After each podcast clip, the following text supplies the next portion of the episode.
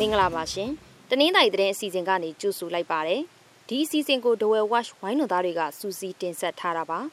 ဒီနေ့တင်ဆက်ပေးမယ့်သတင်းတွေကတော့ကျွန်းစုမြို့နယ်ပဲ့တံရွာကိုပြည်သူ့ကာကွယ်ရေးတပ်ကဝင်ရောက်စီးနင်းပြီးပြူစောတိခေါင်းဆောင်ရဲ့နေအိမ်ကိုမိရှို့ခဲ့တဲ့အကြောင်းပလောကမင်းထိန်ရွာတဲ့လက်နက်ကြီးထက်ကြလို့မျိုးသားတအူတေဆုံးသွားတဲ့အကြောင်း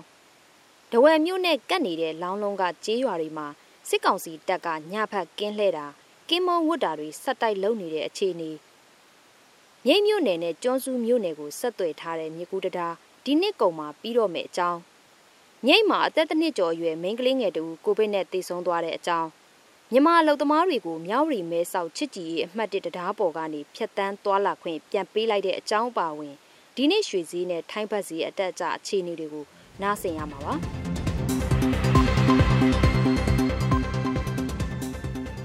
န်းစုမြို့နယ်ပဲ့တံရွာကပြူစောတိခေါင်းဆောင်ဦးကြီးလှရဲ့နေအိမ်ကိုပြည်သူ့ကာကွယ်ရေးတပ်ကမနေ့ကဝင်ရောက်စီးနင်းပြီးမိရှို့သွားပါတယ်။ပြည်သူ့ကာကွယ်ရေးတပ်ကအဲ့ဒီရွာကိုလှေသုံးစီးနဲ့ဝင်ရောက်လာတာလို့ဆိုပါတယ်။ပြည်သူ့ကာကွယ်ရေးတပ်ကဝင်ရောက်စီးနင်းချိန်မှာပြူစောထီးတွေကဖျားတောင်ပေါ်ကတုတ်ကျင်းတွေကနေပြန်လဲပစ်ခတ်လို့နှစ်နာရီလောက်အပြန်အလှန်ပစ်ခတ်မှုဖြစ်ခဲ့တယ်လို့ဆိုပါတယ်။ပြူစောထီးခေါင်းဆောင်ဦးကြီးလှကတော့မြိတ်မြို့ကိုရောက်နေတယ်လို့ဆိုပါတယ်။ပြည်သူ့ကာကွယ်ရေးတပ်တွေက ပြူစောတိအဖွဲ့ဝင်တွေရဲ့နေအိမ်တွေကိုလည်းဝင်ရောက်ရှာဖွေခဲ့တယ်လို့ဒေသခံတွေကပြောပါတယ်။ဒီလိုလာရောက်တိုက်ခိုက်ခဲ့ပြီးနောက်မှာကျေးရွာတာဝန်ခံတဲ့ကျောင်းအုပ်ဆရာကြီးကမြိတ်မြို့ကိုတင်းရှောင်သွားတယ်လို့ဆိုပါတယ်။ယမန်နှစ်စက်တင်ဘာလကလည်းပြည်သူ့ကာကွယ်ရေးတပ်တွေကပဲ့တံရွာထဲဝင်ရောက်စီးနင်းရာပြူစောတိဒုခေါင်းဆောင်တဲ့ကျေးရွာတာဝန်ခံတို့တေဆုံးခဲ့ပါတယ်။ပလောမျိုးနယ်ထဲကမင်းထိန်ရွာမှာလက်နက်ကြီးနဲ့အပြစ်ခံရလို့ လူသေးဆုံးတာတွေအခုလထဲနှစ်ကြိမ်ဆက်တိုက်ရှိလာပါတယ်။မနေ့ကမင်းထိန်ရွာတဲ့လက်နက်ကြီးကြီးကြရောက်ပောက်ကွဲပြီးအမျိုးသားတဦးသေဆုံးပြီးအမျိုးသမီးတဦးဒဏ်ရာအပြင်းထန်ရသွားခဲ့ပါတယ်။တိုက်ပွဲဖြစ်တာမရှိဘဲပလောမျိုးဘက်ကပစ်လိုက်တဲ့လက်နက်ကြီးကြီးစားထိမှန်လို့အသက်50ကျော်အရွယ်ဦးဖိုးချောင်းသေဆုံးခဲ့ပြီးအသက်40ကျော်အရွယ်ဒေါ်စီစီကတော့ဒဏ်ရာအပြင်းထန်ရသွားခဲ့တာပါ။လက်နက်ကြီးကြီးစားထိမှန်တဲ့ရွာသားအချို့လည်းရှိသေးပြီး လက်နက်ကြီးကြီးတွေဟာရွာအပြင်လဲကွင်းထဲကိုလည်းကြာရောက်ပောက်ကွဲခဲ့သေးတယ်လို့ဆိုပါတယ်။ဂျွန်လာတရနေ့ကလည်းမင်းထိန်ရွာတဲ့လက်နက်ကြီးလေးလုံးကြာရောက်ပောက်ကွဲခဲ့ပြီးအသက်50ကျော်အရွယ်မျိုးသမီးတူတေဆုံးခဲ့တယ်လို့မြင်လိုက်ရတဲ့အသက်60ကျော်အရွယ်မိခင်လည်းနှလုံးရက်တေဆုံးသွားခဲ့ပါတယ်။ဒီလိုမျိုးလက်နက်ကြီးနဲ့အပြစ်ခံရပြီးနောက်ရွာသားအများစုကအိုးအိမ်စွန့်ခွာပြီးပြောင်းရွှေ့သွားကြပြီလို့ဆိုပါတယ်။တဝယ်မြို့နဲ့ကပ်နေတဲ့လောင်းလုံးမြို့နယ်ရှိကျေးရွာအချို့မှာ အခုလတရက်နေ့ကစပြီးစစ်ကောင်စီတပ်ကညဖက်ကင်းလှဲ့တာကင်းမုံဝတ်တာတွေနေ့စဉ်လုပ်နေလို့ဒေသခံတွေစိုးရိမ်ထိတ်လန့်နေကြပါတယ်။မေလ31ရက်နေ့ကဒဝယ်မြို့ရှိတနင်္သာရီတိုင်းစစ်ကောင်စီဝင်ကြီးများအိမ်ယာကိုလက်နက်ကြီးနဲ့ပစ်ခတ်ခံရပြီးနောက်ပိုင်းဒဝယ်မြကမ်းဘေးမှာရှိတဲ့တာယာကုန်းတဲပုံအင်းဝွန်ကမျောကြီးစတဲ့ရွာတွေမှာဒီလိုလှုပ်ဆောင်နေတာပါ။ဒီလိုအခြေအနေတွေကြောင့်ဒေသခံပြည်သူ့ကာကွယ်ရေးတပ်တွေနဲ့အချိန်မရွေးတိုက်ပွဲဖြစ်လာနိုင်တယ်လို့ စစ်ကောင်စီတပ်စစ်ကြောင်းနဲ့လမ်းမှာတွေ့ရင် PDF လို့ဆွဆွဲပြီးဖမ်းဆီးပစ်ခတ်ခံရနိုင်တဲ့အတွက်စိုးရိမ်နေကြတာလို့ဆိုပါတယ်။ဒါအပြင်တဲပုံရွာရှိအင်းဝတောင်နဲ့အနီးတစ်ဝိုက်မှာစစ်ကောင်စီတပ်ကတပ်ဆွဲနေရယူထားပါတယ်။မြိတ်မြို့နယ်မင်းတန်းရွာနဲ့ကျွန်းစုမြို့နယ်မောင်းလှော်ရွာကိုဆက်သွယ်ထားတဲ့မင်းတန်းမောင်းလှော်မြကူတရားဟာအခုနှစ်ကုန်မှာပြီးတော့မယ်လို့ဆိုပါတယ်။ပေ1800ရှိတဲ့အဲ့ဒီတရားကို NLD အစိုးရလက်ထက်2020ပြည့်နှစ်က ကြက်တန်းပေါင်း1600သုံးဆွဲပြီးစတင်ဆောက်လုပ်ခဲ့တာပါလက်ရှိမှာတော့တရားတီဆောက်ရေးလုပ်ငန်းရဲ့85ရာခိုင်နှုန်းပြီးစီးနေပြီဖြစ်ပြီးအခုနှစ်ဒီဇင်ဘာလမှာပြီးစီးမယ်လို့ဆိုပါတယ်လက်ရှိမှာတော့မင်းတန်းကနေမောင်းလှော်ကိုကတိုးနဲ့သွာလာနေရပြီးမိုးရင်းကာလမှာရေစီးကြမ်းလို့ဆက်လေတိမ်မှောက်ပြီးလူသေးဆုံးတာတွေဖြစ်ခဲ့ပူပါတယ်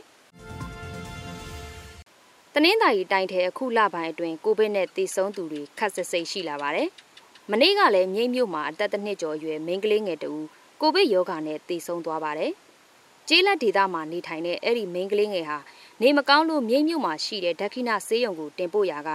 ကိုဗစ်ပိုးတွေ့လို့မြိတ်ပြည်သူဆေးရုံကြီးစီလွှဲပြောင်းတင်ပို့ခဲ့တယ်လို့ဆိုပါတယ်။ဆေးရုံကြီးမှာဆေးဝါးကုသမှုခံယူနေချိန်မှာပဲသေဆုံးသွားတာလို့ဆိုပါတယ်။ဧပြီလ19ရက်ကနေဇွန်လ3ရက်အထိတနင်္သာရီတိုင်းထဲအမျိုးသမီး3ဦးနဲ့အမျိုးသား2ဦးကိုဗစ်ရောဂါနဲ့သေဆုံးခဲ့ပါတယ်။ မြန်မာအလုပ်သမားတွေကိုမနေ့ကစပြီးမြဝတီမဲဆောက်ချစ်ကြည်ရေးအမှတ်၁တရားပေါ်ကနေဖြတ်တန်းသွားလာခွင့်ပြန်ပေးလိုက်ပါတယ်။ကြိုတင်ကြေညာတာမျိုးမရှိဘဲဂျွန်လ9ရက်နေ့မှာတရားဖြတ်တန်းခွင့်ကိုမြန်မာဘက်ကရုတ်တရက်ပိတ်လိုက်တာပါလက်ရှိမှာတော့ PJ နိုင်ငံကူးလက်မှတ်နဲ့မြည်သူမြည်ဝါဖြစ်ကြောင်းတက်တေခံလက်မှတ် CI ကင်ထားသူတွေကိုပြန်လည်ဖြတ်တန်းခွင့်ပေးလိုက်တယ်လို့ဆိုပါတယ်ဒါပေမဲ့အလဲပတ်လာမဲ့ PV အမျိုးအစားနိုင်ငံကူးလက်မှတ်ကင်ထားသူတွေကိုတော့ဖြတ်တန်းခွင့်မပေးသေးဘူးလို့ဆိုပါတယ်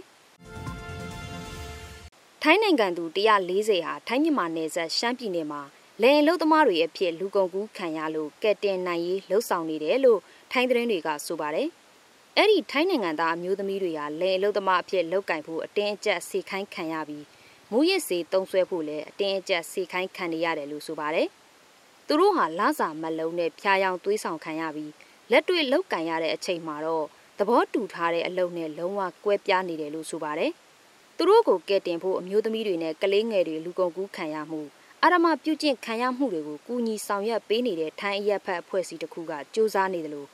ထိုင်းကောင်စစ်ဝင်ရုံးကလည်းကြိုးပမ်းနေတယ်လို့ဆိုပါတယ်။အိမ်ပြန်ချင်းရော်ကြေးအဖြစ်တူးကိုဘတ်2သိန်းနီးပါးပြန်ပေးရမှာဖြစ်ပြီးမပေးနိုင်ရင်ခရီးစရိတ်အတွက်အနည်းဆုံး6လကြာအောင်လှုပ်လှုပ်ပေးရမယ်ဆိုပြီးလှုပ်ရှင်ကပြောဆိုခဲ့တယ်လို့ဆိုပါတယ်။ လက်ရှိမှာတော့ထိုင်းရက်ဖက်အဖွဲ့အစည်းဖောင်ဒေးရှင်းနဲ့ထိုင်းကောင်စီဝင်ရုံးတာဝန်ရှိသူတွေကမြန်မာအာဏာပိုင်တွေနဲ့ပူးပေါင်းပြီးနေရပြန်ပို့နိုင်ရေးလှုံ့ဆော်နေတယ်လို့ထိုင်းသတင်းတွေကဆိုပါတယ်။နောက်ဆုံးတစ်ပုတ်အနေနဲ့ရွှေဈေးနဲ့ထိုင်းဘတ်ဈေးအတက်အကျအခြေအနေကိုတင်ဆက်သွားပါမယ်။၃ရက်ဆက်တိုက်ငြိမ်နေတဲ့အခောက်ရွှေဈေးဟာဒီနေ့မှာတော့တစ်ကြက်သားကိုကြက်တောင်ခွဲဈေးတက်သွားပါတယ်။ဒီနေ့တဝယ်ဈေးကွက်တဲ့အခောက်ရွှေတစ်ကြက်သားကို330 6500ကျပ်နဲ့ဈေးဖွင့်ထားတာပါ။ ထိုင်းဘတ်ဈေးကလည်းတက်ရိပ်ပြလာပြီးထိုင်းငွေတစ်ပတ်ကို85ကျပ်နီးပါးပေါက်ဈေးရှိနေပါတယ်။